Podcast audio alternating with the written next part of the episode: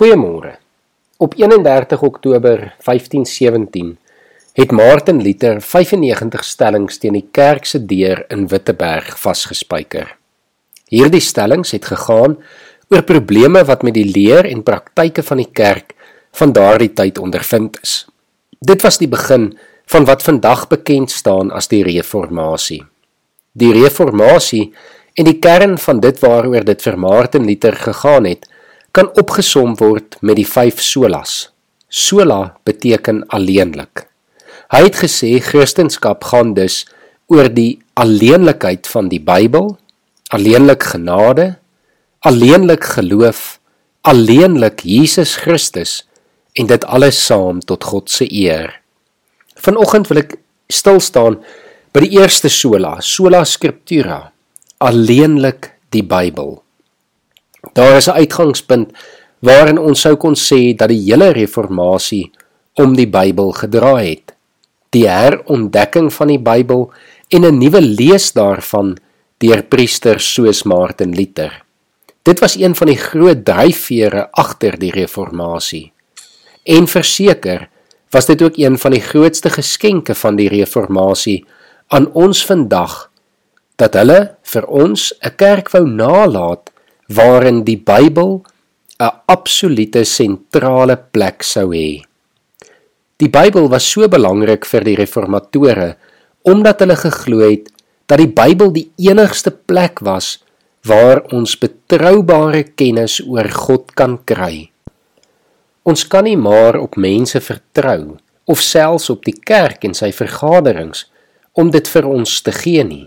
Die Bybel is die plek waarin die Here homself op 'n onvergelyklike manier aan ons geopenbaar het. Die kerkvader Augustinus het dit baie mooi gestel. In 'n tyd waar geen mens God self van aangesig tot aangesig kan sien nie, het Augustinus gesê dat die Bybel vir nou God se gesig vir ons is. As ons wil weet wie en hoe God is, moet ons die Bybel gaan lees. Maar ons leer nie net vir God ken in die Bybel nie. Die Bybel help ons ook om onsself en ons wêreld beter te verstaan. Die woord is werklik 'n lamp vir ons voete en 'n lig vir ons pad, soos Psalm 119 vers 105 dit stel. Die skrif alleen is die maatstaf vir ons geloof en ons praktyk. Dit herinner ons dat ons altyd na die woord van God moet kyk vir leiding en wysheid.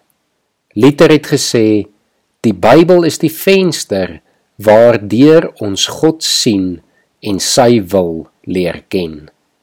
Die Bybel is wat ons rigting gee, wat ons help om in 'n verhouding met God te leef, wat ons laat vrug dra en wat ons help om God en sy wil te ken en te verstaan.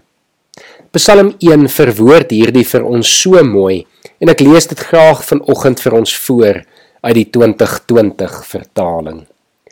Gelukkig is die mens wat nie die raad van goddeloses volg, nie met die pad van sondaars gaan staan en nie in die byeenkoms van spotters sit nie, maar wat vreugde vind in die wet van die Here en sy wet dag en nag mymerend prewel.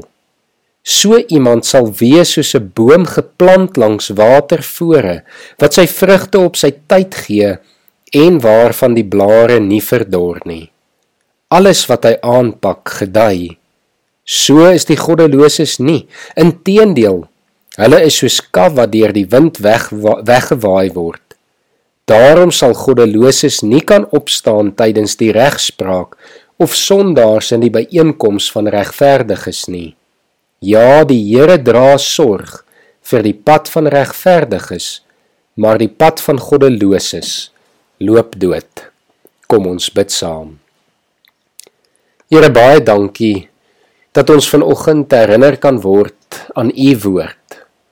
Aan die Bybel wat u as geskenk vir ons gegee het. Here ons dankie dat ons vandag elkeen dit tot ons beskikking het, Here, dat ons dit kan lees fisies op ons selfone. Dit is so beskikbaar, Here, ons kan U net loof en prys daarvoor. Maar Here, vanoggend kom vra ek dat U ons sal lei deur U woord. Dat U ons weer daardeur sal vorm. Dat ons erns daarmee sal maak, moeite sal doen, Here, om U woord te leer en dit te bestudeer en dan ook te volg in alle aspekte van ons lewens. Ek bid dit in Jesus se naam. Amen.